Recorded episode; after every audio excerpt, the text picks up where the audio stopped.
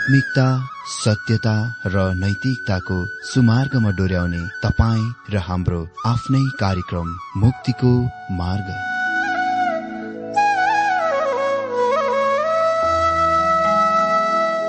आदरणीय श्रोता यस मुक्तिको मार्ग कार्यक्रममा हार्दिक स्वागत छ। आशा छ यस आत्मिक कार्यक्रमद्वारा जीवनमा आत्मिक आशिष अलौकिक शान्ति र आनन्द प्राप्त गर्नुहुनेछ। र जीवनमा धन्य अनुभव गर्नुहुनेछ। आउनुहोस् श्रोता।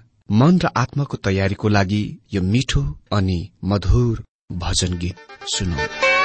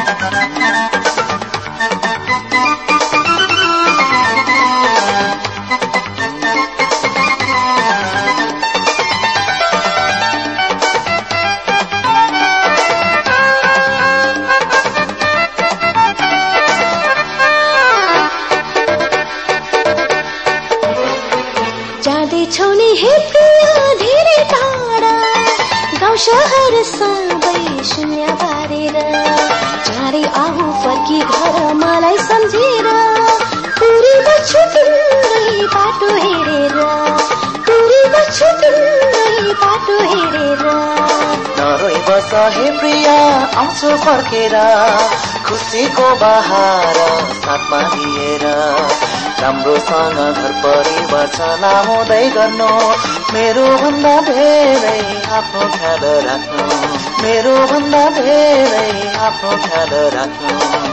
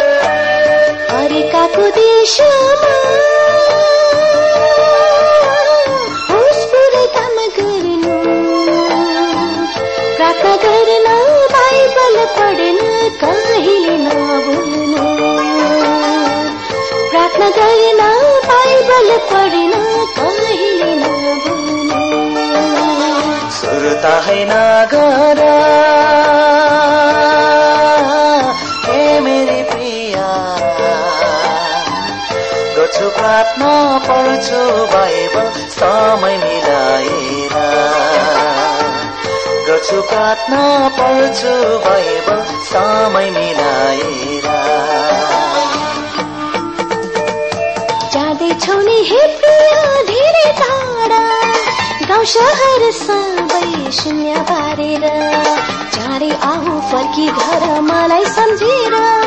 पुरी बच्छु तिम्रै बाटो हेरेर। पुरी बच्छु तिम्रै बाटो हेरेर। नरोइ बस हे प्रिया आउँछु फर्केर। खुसीको बहार साथमा लिएर। राम्रोसँग घर परिवार चलाउँदै गर्नु। मेरो भन्दा धेरै आफ्नो ख्याल राख्नु। मेरो भन्दा धेरै आफ्नो ख्याल राख्नु।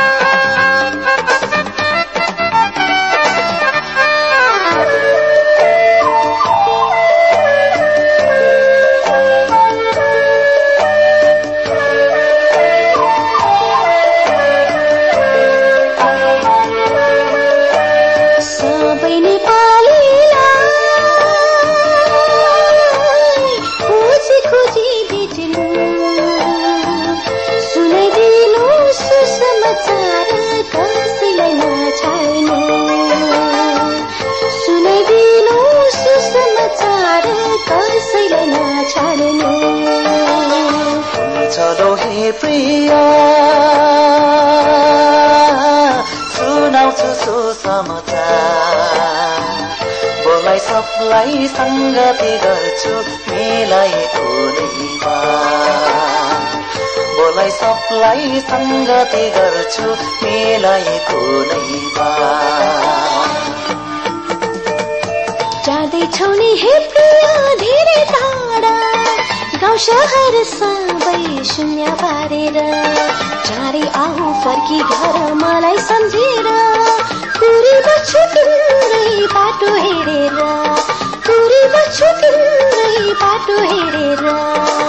नरोइ बस हे प्रिया आउँछु फर्केर। खुसीको बहार साथमा लिएर। राम्रोसँग घर परिवार चलाउँदै गर्नु। मेरो भन्दा धेरै आफ्नो ख्याल राख्नु। मेरो भन्दा धेरै आफ्नो ख्याल राख्नु।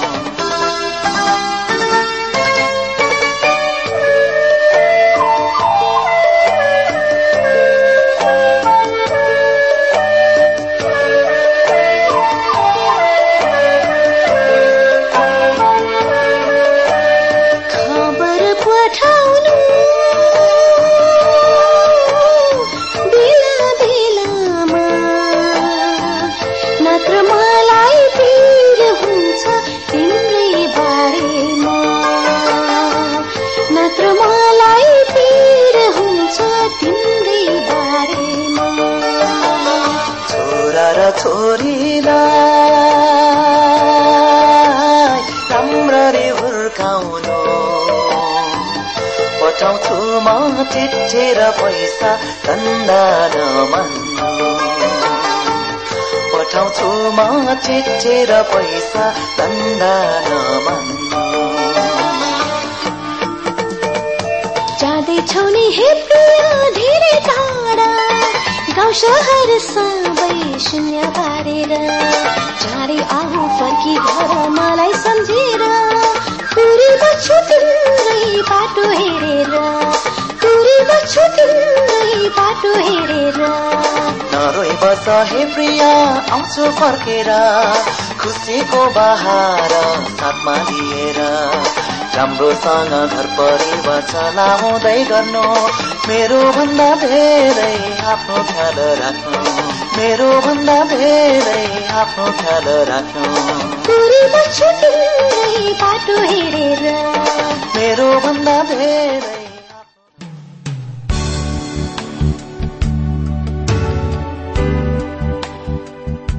प्रिय श्रोता यो प्रसारण मार्फत यो अवगत गराउन चाहन्छौ कि प्रभुको सेवाको लागि यहाँहरूको साझेदारी नित्यन्त आवश्यकता छ। यहाँहरूले प्रार्थनाको साथसाथै आर्थिक सहायता गर्न अनुरोध गर्दछौ।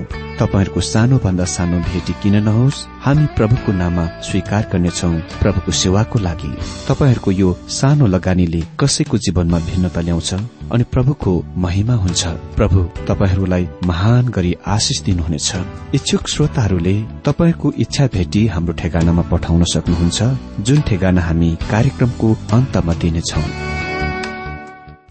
प्रिय श्रोता मित्र प्रभु येशु ख्रिष्टको मधुर अनि सामर्थ्य नाममा मेरो जयमसी साथै हार्दिक स्वागत छ आजको यो बाइबल अध्ययन कार्यक्रममा।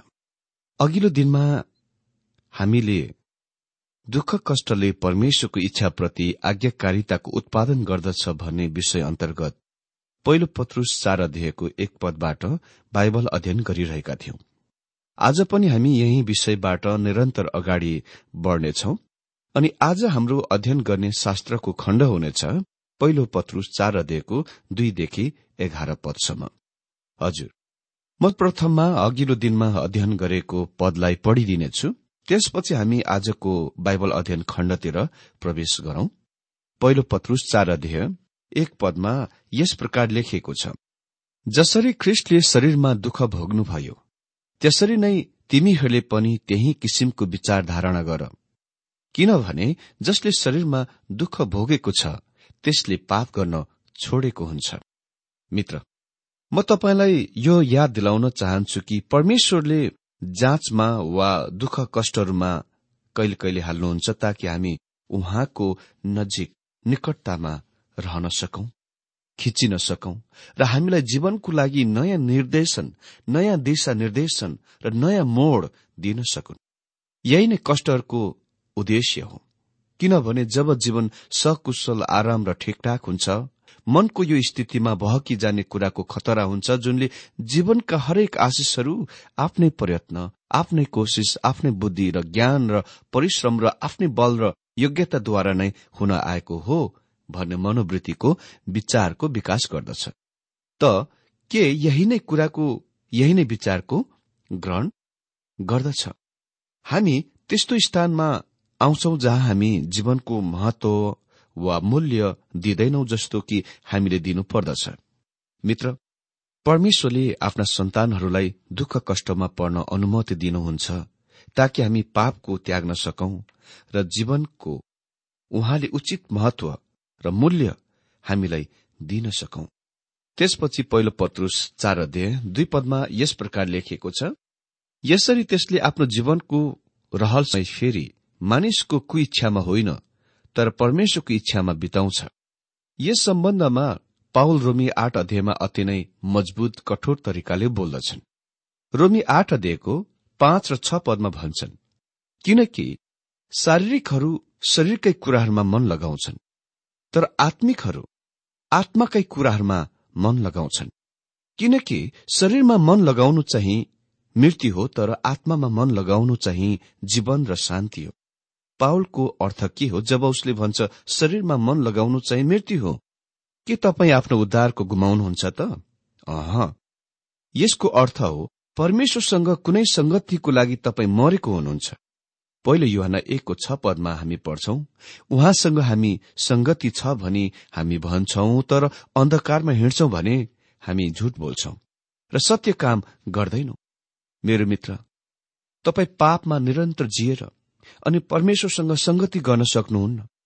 पाप नै त्यो कुरा हो जुनले मानिसलाई परमेश्वरबाट र परमेश्वरको वचनबाट टाढा लैजान्छ अलग गरी लैजान्छ। मैले यो कुराको स्वीकार गर्नै पर्छ कि आज हाम्रा जातिहरू केही संख्यामा क्रिस्चियनहरू भए तापनि खास सत्य विश्वासीहरू अति नै कम संख्यामा छन् अनि सम्पूर्ण बाइबलको पुस्तक भरि पुस्तक बाई पुस्तक र अध्याय बाई अध्याय र पद बाई पद गरेर अध्ययन गराउने काममा म खालि ती अति नै कम संख्याका विश्वासीहरूलाई मात्र अपिल हुँदछु। किनकि धेरै क्रिस्चियनहरू क्रिस्चियन जीवन जिउन छोटो मिठो बाटो सर्टकट बाटोको पत्ता लगाउन कोसिस गरिरहेका छन् अनि त्यहाँ त्यस्तो कुनै सर्टकट बाटो नै छैन। परमेश्वर भन्नुहुन्छ तपाईँलाई पाबाट टाढा राख्न तपाईँको जीवनमा दुःख कष्टहरूको प्रयोग गर्नुहुनेछ। भनिएको छ यसरी त्यसले आफ्नो जीवनको रहल समय फेरि मानिसको कुइच्छामा होइन तर परमेश्वरको इच्छामा बिताउँछ। हामी कति पनि जीवनलाई साधारण तरिकामा हल्का फुल्का रूपमा लिँदैनौ किनभने हामीले कष्ट भोगेका छौं र परमेश्वरले त्यो दुःख कष्टका हामीलाई पाबाट अलग राख्न टाढा राख्न प्रयोग गर्नुहुन्छ। जब पत्रुस आफ्नो भनाइलाई जारी राख्दछन् उसले पछाडितिर हेर्न शुरू गर्छन् जीवन क्षणिक वा छोटो छ यो उसको धारणा हामी यहाँ पहिलो पत्रुस चार अध्ययको तीन पदमा भनिएको छ बितेका दिनमा अन्य जातिहरूले गरे झै तिमीहरूले व्याविचार कुवासना मद्यपान मोजमजा पियर कटपन र घृणित प्रतिमा पूजामा प्रशस्त समय बितायो। हामी प्रभुमा मन परिवर्तनको साथ विश्वासमा आइसकेपछि हाम्रो जीवनहरू ती कुराहरूमा बिताउन अति नै मूर्ख हुनेछ जुन हामीले बितेका दिनहरूमा अघि गर्ने गर्दथ्यौं। मित्र वास्तवमा हामी त्यो कति पनि गर्न सक्दैनौ। अहिले हामी ख्रिससँग जोडिएका छौं। हामी उहाँसँग एक भएका छौं र हामी संसारसँग निरन्तर पापमा फस्न लिप्त हुन सक्दैनौ। हामी आज परमेश्वरको लागि जिउनै पर्दछ। ओ यो कति सत्य कुरा छ। जीवन क्षणिक छ। समय भागिरहेको छ र हामीले यो महसुस गर्नुपर्छ हामी एक दिन इन्साफको लागि उहाँको सामुने आउन गइरहेका छौं। भनिएको छ बितेका दिनमा अन्य जातिहरूले गरे झै तिमीहरूले व्याविचार कुवासना मद्यपान मोजमजा पियर कर्पण र घृणित प्रतिमा पूजामा प्रशस्त समय बितायौ। सिमन पत्रुसले पापहरूका एकाएक नाम गरेर बताउँछन्। कामुक्ता यसको अर्थ यौन सम्बन्धको पापमा जिउने कुरा। अभिलाषाहरू यसले चाहिँ धेरै अन्य कुराहरूका सामेल गर्दछ। शरीरका कुराहरूका पछि अभिलाषा। मतवालापन हो मद्यपान मदिरापान मोजमजा। शरीरका कुराहरूमा मोजमजा हो अनि घिनलाग्दा प्रतिमा पूजामा बितायौं। यो नै सामान्य गरी उद्धार नपाएका कुनै पनि अन्य जातिको जीवनको स्थिति तस्विर हो। पत्रुस भन्छन् अब तिमीहरू नयाँ जन्म पाएकाहरू परमेश्वरको सन्तानहरू हौ र यी कुराहरूबाट अलग हुनु पर्दछ। किनकि यी तिनै कुरा हुन् जुनले आज पनि तपाईँलाई परमेश्वरबाट अलग गरी टाढा गरी लैजान्छ। चारपद। तिमीहरू तिनीहरूसँग भ्रष्टताको बाटोमा नहिडेका देखेर तिनीहरू छक्क पर्छन् र तिमीहरूको बदखुवाई गर्छ। या त तपाईँ परमेश्वरलाई खुसी बनाउन हुनेछ या तपाईँ मानिसहरूलाई खुसी तुल्याउनु हुनेछ। अनि यदि तपाईँ मानिसहरूलाई खुसी बनाउन गइरहनु भएको छ भने तपाईँ परमेश्वरलाई खुसी बनाउनु हुने छैन।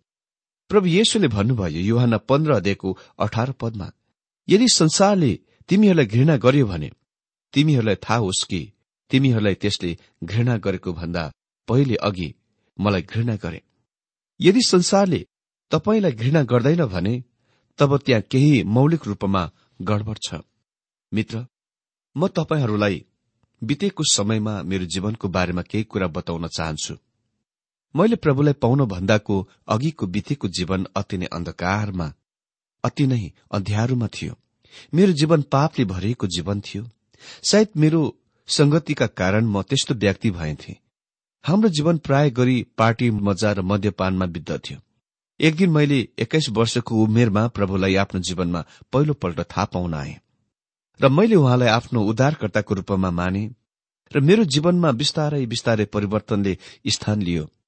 म ती कुराहरू गर्न कति पनि मन पराइन जो म बितेका दिनमा गर्दथे। मेरो साथीहरूले मलाई धेरैपल्ट तिनीहरूकै जस्तै मोज मजा गर्न मद्यपान गर्न जबरजस्ती गर्थे। तर मैले सत्यलाई थाहा पाइसकेकोले गर्दा ती कुराहरू गर्न मलाई कति पनि दिलचस्पी थिएन। र मेरो मित्रहरू सबै बिस्तारै बिस्तारै मबाट टाढा हुन लागे। र अन्तिममा तिनीहरूले मलाई नराम्रो गरी उपहास र घृणा गर्न लागे। मित्र मैले मेरो जीवनको छोटो गवाई किन बताएको छु भने यदि तपाईँ प्रभुको सन्तान हुनुहुन्छ भने संसारले तपाईँलाई मन पराउँदैन प्रेम गर्दैन। अनि म तपाईँलाई यो पनि भन्न चाहन्छु यदि तपाईँ परमेश्वरको सन्तान हुनुहुन्छ भने निरन्तर पापमा लिप्त भइरहन सक्नुहुन्न। तपाईँसँग ख्रिस्टको स्वभाव छ। तपाईँ उहाँसँग जोडिनु भएको छ। उहाँ यहाँ एकपल्ट कष्ट भोग्नुभयो। उहाँ अब कति पनि दुःख कष्ट भोग्नुहुने छैन। तर उहाँले तपाईँलाई सहायता गर्न सक्नुहुन्छ। उहाँले पवित्र आत्मा ती मानिसहरू कहाँ स्थायी रूपमा बास बस्न पठाउनुभयो जो उहाँका आफ्नै जनहरू हुन्। हामीलाई विश्वासीहरूको शरीर वा बधनमा बत्तीसमा भएका छौं र अहिले पवित्र आत्माले भरिएर हामी परमेश्वरको लागि जिउन सक्छौ। हामी आफै सामर्थ्यमा त्यसको गर्न सक्दैनौ। तर उहाँको सामर्थ्यमा हामी त्यो गर्न सक्छौ। भनिएको छ तिनीहरूसँग भ्रष्टताको बाटोमा नहिडेका देखेर तिनीहरू छक्क पर्छन् र तिनीहरूको बदखुवाई गर्दछन्। पाँच पद। तर जीवित र मृतकहरूका न्याय गर्न तत्पर हुनुहुनेलाई तिनीहरूले लेखा दिनुपर्न। जिउँदा र मरेकाहरूको न्याय गर्नलाई मित्र पूरा संसार जिउँदा र मरेकाहरू कुनै दिन प्रभु येशुद्वारा न्याय गरिनेछन्। के उहाँले विश्वासीलाई पनि न्याय गर्नुहुनेछ? निश्चय नै। तर उद्धारको लागि होइन जुन पहिले नै निश्चय पक्का गरिएको थियो जब तिनीहरू परमेश्वरको सन्तानहरू बने। तर उहाँले विश्वासीहरूलाई पापबाट बिना न्याय छोड्नुहुने छैन बिना दण्ड छोड्नुहुने छैन। जबकि उहाँ पापको लागि संसारलाई न्याय गरिरहनु भएको छ किनकि परमेश्वरले संसारमा क्रिस्चियनहरूलाई न्याय गर्नुहुन्छ। उहाँले आफ्ना सन्तानहरूलाई ताड्न दिनुहुनेछ। अविश्वासीहरूलाई झन धेरै होसियार हुँदा उक्तम होला। उसलाई चेतावनी दिइएको छ कि कुनै दिन न्यायको लागि परमेश्वरको सामुने उभिनेछ आउनेछ। यो चाहिँ अनन्त दण्डको लागि न्याय हो नर्कको लागि न्याय। अनि छदमा लेखेको छ यसै कारण मृतकहरूलाई पनि सुसमाचार सुनाइयो ताकि तिनीहरूले मानिसहरू जस्तै शरीरमा इन्साफ पाए तापनि आत्मामा तिनीहरू परमेश्वर जस्तै जिउन्। मित्र यहाँ आइरहेको न्यायको कारण सुसमाचार प्रचार गरिएको थियो। परमेश्वर चाहनुहुन्छ कि सुसमाचार सबै मानिसहरूलाई प्रचार गरिएको। र यदि तिनीहरूले सुसमाज सुन्दैनन् भने वा सुसमाचारको प्रतिक्रिया दिँदैनन् भने उहाँले यो अति नै स्पष्ट पार्नुहुन्छ कि तिनीहरू पहिले नै पाप र अधर्ममा मरिसकेका छन् र तिनीहरूलाई शरीरमा हुने मानिसहरूका रूपमा न्याय गरिनेछन्। तर यदि तिनीहरूले ख्रिस्टका ग्रहण गरे तिनीहरू परमेश्वरको अनुसार आत्मामा जिउन सक्छन्। प्रभु येशुले युवाना पाँचको चौबिस पदमा भन्नुभयो साँचो साँचो म तिमीहरूलाई भन्दछु जसले मेरो वचन सुन्छ र मलाई पठाउनु हुनेमाथि विश्वास गर्छ उसँग अनन्त जीवन छ र ऊ न्यायमा पर्ने छैन। तर मृत्युबाट जीवनमा सरिसकेको हुनेछ मतलब उनी मृत्युको स्थितिमा थिए। उहाँले अगाडि यस विचारलाई लाजरसको मृत्युको रूपमा वा मृत्युको समयमा वर्णन गर्नुभएको छ युहान एघार दिय चौबिस पच्चिस र छब्बीसमा। येसुले तिनलाई मार्थालाई भन्नुभयो बौरी उठाएर जीवन मनै हो पुनरुत्थान जीवन मनै हो जसले म माथि विश्वास गर्छ ऊ मरे तापनि जिउनेछ अनि जो जिउँछ र म माथि विश्वास गर्दछ त्यो कहिले मर्ने छैन। के तिमी यो विश्वास गर्छौ? अर्को शब्दमा तपाईँ र म पाप र अधर्महरूमा मरेका थियौं। पावलको एउटै तात्पर्य थियो जब उसले एफिसीहरूलाई लेखे एफिसी दुई अध्यायको एक पदमा अनि तिमीहरूलाई अर्थात् अपराधहरू र पापहरूमा मरेकाहरूलाई उहाँले जीवित पारिदिनुभयो। हामी आत्मिकी रूपमा मरेका थियौं पावल निरन्तर आफ्नो भनाइलाई जारी राख्छन्। एफिसी दुई अध्यय दुई र तीन पदमा ती पापैमा तिमीहरू बितेका समयमा यस संसारको रीति अनुसार हिँड्थ्यौ। शरीर र मनका लालसाहरूलाई पूरा गर्दै। पत्रुष्ट यहाँ यो पदमा उही कुरा भनिरहेका छन्। सुसमाचार प्रचार गरिएको छ। र जब सुसमाचार प्रचार हुँदछ त्यहाँ सधैँ दुई कुराहरू हुँदछ। कसैले यसको ग्रहण गर्नेछन्? अनि यदि तिनीहरूले ग्रहण गरे तिनीहरू परमेश्वरको लागि जिउन गइरहेका छन् र पूरा अनन्त कालभरि जिउनेछन्। अरूहरूले त्यसको इन्कार गर्दछन् र सुसमाचार इन्कार गर्नेहरू ती मानिसहरू हुन् पापहरू र अधर्ममा मरेका छन्। र परमेश्वरको निम्ति पनि पूरा अनन्ततामा मरिरहेका छन्। त्यसको मतलब तिनीहरू वा तिनीहरूको उहाँसँग कति पनि र कहिले पनि सम्बन्ध छैन र हुने छैन। अनि सात पदमा लेखिएको छ सबै कुराको अन्त्य नजिकै आएको छ यसकारण आफ्ना प्रार्थनाको निम्ति शुद्ध मनको र सचेत भइरह। तर सबै कुराहरूको अन्त नजिकै आएको छ। प्रभु येशु स्वर्गीयमा फर्किजानु भएको दिनदेखि त्यो सत्य छ। पाउले भन्न सके कि ख्रिष्टको आगमन निकट छ। तितस दुई अध्यय तेह्र पदमा लेखिएको छ त्यस धन्य आशाको र हाम्रो महान परमेश्वर र मुक्तिदाता येशु ख्रिष्टको आगमनको बाटो हिँड्दै जिउनु पर्छ अनि पत्रुस भन्छन् सबै कुराहरूको अन्त नजिकै आएको छ। परमेश्वरले यी कुनैमा यो संसारलाई अक्क न बक्क बनाउन गइरहनु भएको छ जब उहाँले यसलाई न्याय गर्नुहुन्छ। उहाँले आफ्नाहरूलाई संसारबाट उठाइ लैजानुहुनेछ अनि विश्वासीहरूका जीवनहरूमा ठिकठाक गर्ने वा सोझ्याउन त्यहाँ धेरै कुराहरू हुनेछ। तिनीहरू ख्रिष्टको न्याय आसनको सामुने जानेछन् तर उद्धारको सम्बन्धमा होइन तर पुरस्कार वा इनामको सम्बन्धमा। वा त्यो जीवनको सम्बन्धमा जुन तिनीहरूले परमेश्वरको लागि जिएथे यो नै एक कारण हो हामी परमेश्वरको लागि जिउनु पर्दछ। हामी त्यस न्यायको लागि उहाँको सामने आइरहेका छौं। यसकारण सचेत हौ र प्रार्थनाको लागि जागर हौ। सचेत हुनुको मतलब होसियारको साथ तयारीको साथ रहनु भनेको हो उहाँको आगमनको लागि। किनकि उहाँको आगमन कुनै पनि समयमा हुन सक्नेछ। साथै ख्रिस्टियनहरू यो दुष्ट संसारमा सच्चै होसियारी हुनुपर्दछ। प्रभु येशुले आफ्ना चेलाहरूलाई भन्नुभयो मती दश दिएको सोह्र पदमा त्यसकारण साँप जस्तै चनाखो र ढुकुर जस्तै सोझा हो। तपाईँले आज साँप जस्तै सचेत र होसियारी हुनुपर्दछ। यदि तपाईँ सचेत हुनुहुन्न भने अरू साँपहरूले तपाईँलाई टोक्नेछ र आघात गर्नेछ। प्रार्थनाको लागि जागा रह। अर्को शब्दमा त्यस प्रत्याशामा अर्थात् त्यस ख्रिष्टको आगमनको आशामा हामी प्रार्थनामा हुनुपर्दछ। आज हाम्रा प्रार्थना सभाहरू मरेका छन् किनभने हामी उहाँको लागि उत्सुकतापूर्वक हेरिरहेका छैनौं। वा जीवित ख्रिष्ट हुनुहुन्छ। हामी अहिले उहाँसँग कुरा गर्नुपर्दछ किनभने हामी उहाँसँग यस पश्चात पछिबाट पनि कुरा गर्न गइरहेका छौं। अन्यको समयमा उहाँ हामीसँग कुरा गर्न गइरहनु भएको छ। पद आठमा यस प्रकार लेखिएको छ सबैभन्दा बढ़ी एउटा अर्काप्रति तिमीहरूको प्रेम अटुट रहोस् किनकि प्रेमले नै असंख्य पापहरू ढाक्दछ पत्रुसले आज विश्वासीहरूको रूपमा हाम्रा सम्बन्धहरूको बारेमा कुरा गरिरहेका छन्। हितपदेशको लेखकले भने हितपदेश दश अध्ययको बाह्र पदमा घृणाले सधैँ झगडा उत्पन्न गराउँछ। तर प्रेमले चाहिँ सबै दोषलाई ढाक्दछ। मण्डलीमा घृणाले झगडा उत्पन्न गर्छ सृजना गराउँदछ। त प्रेमले ती सबैको ढाक्नेछ। जहाँ प्रेम हुन्छ त्यहाँ प्राय गरी कुनै आपसमा समस्या हुने छैन। नौ पदमा लेखिएको छ बिना गनगन एउटाले अर्काको अतिथि सत्कार गर। बिना गनगन एउटाले अर्काको अतिथि सत्कार गर।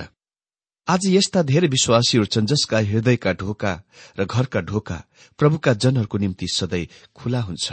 प्रभु त्यस्ताहरूलाई आशिष दिनुहुनेछ। अनि दश पदमा लेखिएको छ जसले जस्तो वरदान पाएको छ परमेश्वरका अनुग्रहका विभिन्न वरदान पाएका भण्डारे झै ती एउटा अर्काको निम्ति प्रयोग गर। हरेकले पाएको वरदान अनुसार यहाँ उल्लेखित वरदानको अर्थ हो खास विशेष आत्मिक वरदान। अनि त्यहाँ धेरै वरदानहरू छन्। पाओले पहिलो कुरन्थी बाह्र अध्यायमा हामीलाई भन्छन् कि त्यहाँ एक शरीर वा बदन छ र धेरै सदस्यहरू छन्। र त्यो मण्डली त्यो शरीर वा बदन हो जुनमा त्यहाँ धेरै सदस्यहरू छन् धेरै वरदानहरू छन्। मलाई थाहा छैन। तपाईँ को हुनुहुन्छ? मलाई थाहा छैन कि तपाईँको वरदान के हो। तर मलाई यो थाहा छ यदि तपाईँ परमेश्वरको सन्तान हुनुहुन्छ भने तपाईँसँग केही न केही वरदान छ र तपाईँले यसलाई एक अर्काको सेवा प्रयोग गर्नुपर्दछ। भनिएको छ एघार पदमा यदि कसैले बोल्दछ भने परमेश्वरको वचन बोले जस्तै त्यसले बोलोस्। यदि कसैले सेवा गर्छ भने परमेश्वरले दिनुभएको शक्तिद्वारा त्यसले त्यो गरोस्। यस हेतुले कि सबै कुरामा येशु ख्रिस्टद्वारा परमेश्वरलाई नै प्रशंसा होस् उहाँलाई नै महिमा र पराक्रम सदा सर्वदा होस्। आमिन।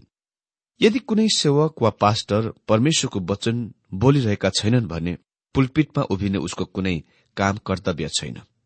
र हामीसँग कुनै परमेश्वरको वचन सिकाउने कुनै काम त के कुनै पनि अधिकार छैन। यदि हामी यसको वास्तवमा सिकाइरहेका छैनौं भने यदि कसैले सेवा गर्दछ भने परमेश्वरले दिनुभएको योग्यताले झै वरदान झै गरोस्।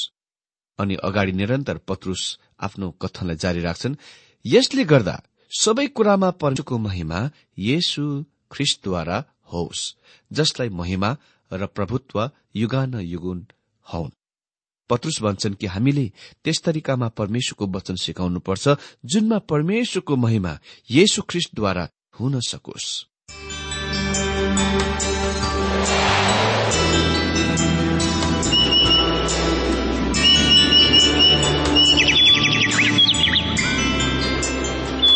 प्रिय श्रोता अहिले भर्खरै तपाईँले टीडब्ल्यूआर नेपालद्वारा सञ्चालित आत्मिक कार्यक्रम मुक्तिको मार्ग सुनिरहनु भएको थियो। श्रोता आजको यो कार्यक्रम सुनेर तपाईँलाई कस्तो लाग्यो? यदि यो कार्यक्रम सुनेर मनमा कुनै खुल्दुली वा कुनै प्रतिक्रिया अर्थात सुझावहरू छन् भने हामीलाई पत्रद्वारा लेख्न सक्नुहुनेछ। हामी हृदयदेखि नै स्वागत गर्नेछौ स्वीकार गर्नेछौ साथै बाइबल सम्बन्धित प्रचारहरू कार्यक्रम सारणीहरू हामी अनुरोधमा पठाउन सक्छौ। अनि तपाईँसँग कुनै प्रार्थनाको विषय छन् भने हामीले तपाईँको लागि प्रार्थना गरेको चाहनुहुन्छ। भने प्रभुमा आफ्नै परिवार सम्झेर हामीलाई पत्रमा लेख्न सक्नुहुनेछ। तपाईँको लागि हामी प्रभु येशुसँग प्रार्थना गर्नेछौ। अधिक जानकारी र पत्रचारको लागि हाम्रो ठेगाना यस प्रकार छ। कार्यक्रम मुक्तिको मार्ग जीपीओ नम्बर उनानब्बे पचहत्तर एपीसी पच्चिस एकसठी काठमाडौँ। ठेगाना एकपल्ट सुन्नुहोला। कार्यक्रम मुक्तिको मार्ग जीपीओ नम्बर उनानब्बे पचहत्तर एपीसी पच्चिस एकसठी काठमाडौँ। हाम्रो इमेल एड्रेस हो TWR Nepal at Yahoo dot com. साथै यस नम्बरमा एसएमएस गर्न सक्नुहुनेछ। अन्ठानब्बे चार सत्तरी पैतिस छ सय उनासी नौ आठ चार सात जिरो तीन पाँच छ सात नौ। हुन्छ श्रोता आजलाई हामी विदा चाहन्छौ। अर्को कार्यक्रममा हामी पुनः भेट्नेछौ तबसम्मलाई नमस्कार।